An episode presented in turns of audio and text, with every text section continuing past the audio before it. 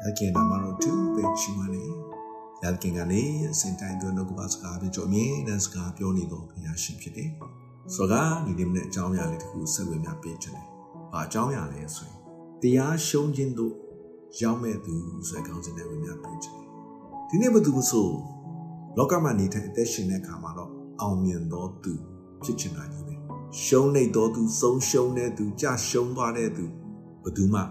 မဖြစ်ချင်ဘူးမလိုချင်ဘူး ဒီနေ့ကျွန်တော်တို့သခင်ယေရှုခရစ်တော်ကိုရလာတဲ့အခါမှာခရစ်တော်ကလောကကိုအောင်မြင်တဲ့သူဖြစ်တော်ကြောင့်ကျွန်တော်ကလည်းခရစ်တော်နဲ့အတူလောကကိုအောင်မြင်တော်သူဖြစ်တယ်ဆိုတာနဲ့နှလုံးသွင်းစေချင်တယ်အဲကြောင့်ဒီနေ့ကျွန်တော်တို့ကဆုံးရှုံးတဲ့သူမဟုတ်ဘူး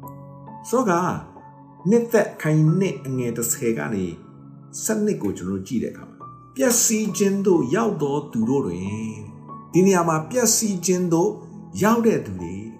မတရားသောလက်ဖျားခြင်းအမျိုးမျိုးနဲ့၎င်းလာလိမ့်မယ်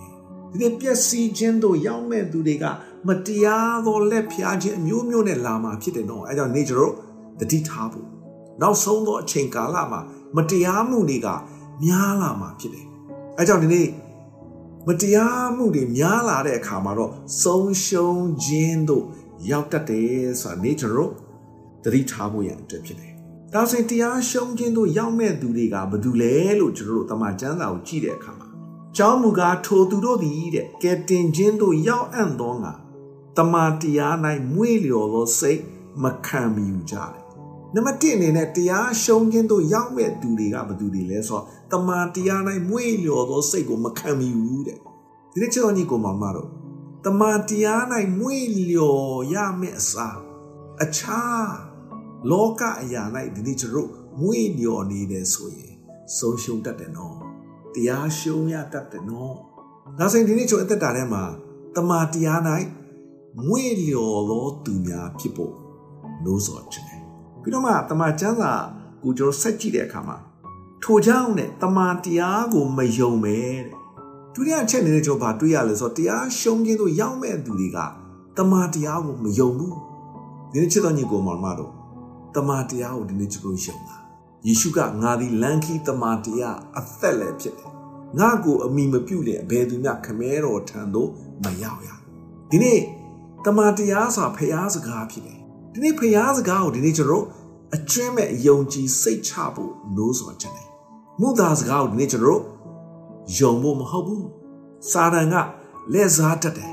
မုသာပြောတတ်တယ်မုသာရဲ့အဘဖြစ်တယ်အဲကြောင့်ကျမ်းစာမှာဆက်ပြောလဲဆိုတော့ မတရားသော အမှု၌မွေ့လျော်သောသူတဲ့ဒီနေ့တရားရှုံးခြင်းတို့ရောက်မဲ့သူတွေကမတရားသောအမှု၌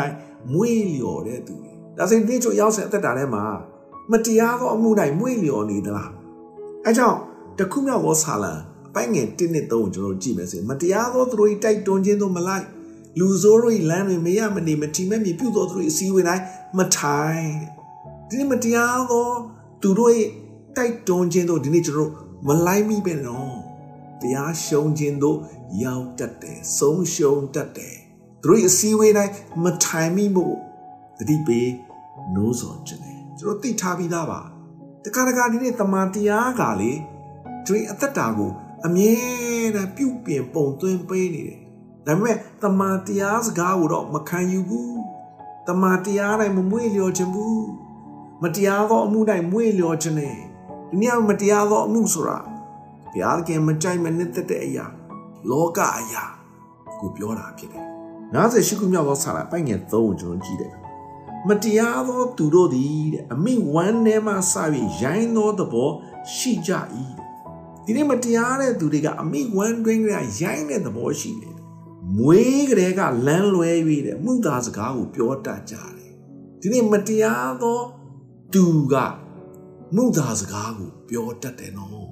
အဲကြောင့်တမန်ကျမ်းစာကဒီမျိုးပြောပါတယ်39ခုမြောက်သောစာလံအပိုင်ငယ်1နှစ်မှာလူဆိုးတို့အကြောင်းကြောင့်စိတ်မပူနဲ့မတရားသဖြင့်ပြုတ်တော်သူတို့ကိုမညှူစုနှဲ့နဲ့အကြောင်းမူကားသူတို့သည်မကြာမမြင့်မြင့်မြက်ပင်ကဲ့သို့ရိတ်ခြင်းကိုခံရ၍စိန်သောပြိုးပင်ညိုးနွမ်းတဲ့ကဲ့သို့ဖြစ်ရလိမ့်မယ်အဲကြောင့်နှစ်ချစ်တော်ညီကိုမောင်မတို့လူဆိုးတို့ အကြောင်းကြောင့်ဒီနေ့စိတ်မပူနဲ့မတရားသောသူတို့ပြုတ်တဲ့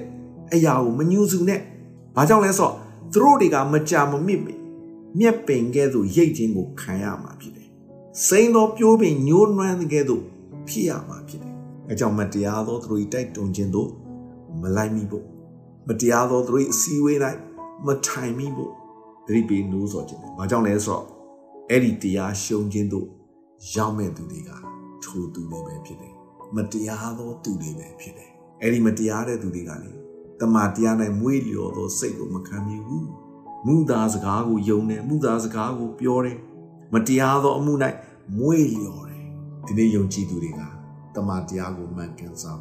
ပိုင်းခြားနားလေတတ်တော်သူများဖြစ်ဖို့တတိပေးနိုးစော်ချင်တာဖြစ်တယ်။တရားရှုံးခြင်းတို့ရောက်ဖို့ဘုရားခင်လုံးဝအလိုတော်မရှိဘူးဖြစ်တယ်။အဲကြောင့်ဒီနေ့ တမန်တရား၌ဒီနေ့မွေးလျော်တတ်ဖို့နှုတ်ကပတ်တော်ကဒီလိုပြောပါတယ်။ထာဝရဘုရား၌မွေးလျော်ခြင်းရှိလို့တို့ပြုလျင်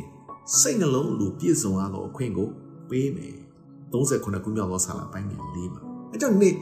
ဖျားခင်၌ပဲနေကြလို့မွေ့လျော်ဖို့တမာတရား၌ပဲနေကြလို့မွေ့လျော်ဖို့လို့ဆိုချင်တာဖြစ်တယ်84ခုမြောက်သောဆာလာပိုင်းငယ်30ကိုကျွန်တော်ကြည့်တဲ့အခါမှာလဲတတိုင်းတော်အတွင်း၌နေရသောတည့်ရက်ကအခြားသောအရာ၌နေရသောရက်တစ်ထောင်နဲ့တာပြီးကောင်းနေတယ် မတရားသောသူတို့၏နေရသောအခွင့်ထဲတယ်ကျွန်တော်ဖျားခင်အိမ်တော်၌တကားဆောင်အရာကိုကျွန်တော်တာပြီးနှစ်သက်တယ်တဲ့ဆာလန်ဆရာကအဲနေ့ချစ်တော်ညီကိုမောင်မှာလောကမှာနေထိုင်အသက်ရှင်တဲ့အခါမှာတော့မတရားသောသူတို့၏တိုက်တွန်းခြင်းတို့မလိုက်မပါမိဖို့မူသားစကားပြောတတ်သောသူရဲ့နောက်သို့ဒီနေ့ကျွန်တော်မလိုက်မပါမိဖို့သမာတရား၌ဒီနေ့ကျွန်တော်မွေ့လျော်တတ်ဖို့မတရားသောအမှု၌မွေ့လျော်သောသူများမဖြစ်ဖို့အတိပေး လို့ဆိုချင်တာဖြစ်တယ်ဒီနောက်ကပတ်တော်အပြင်ရောက်စတိုင်းဖျားရှင်ကောင်းကြီးရှိပါစေဗျာ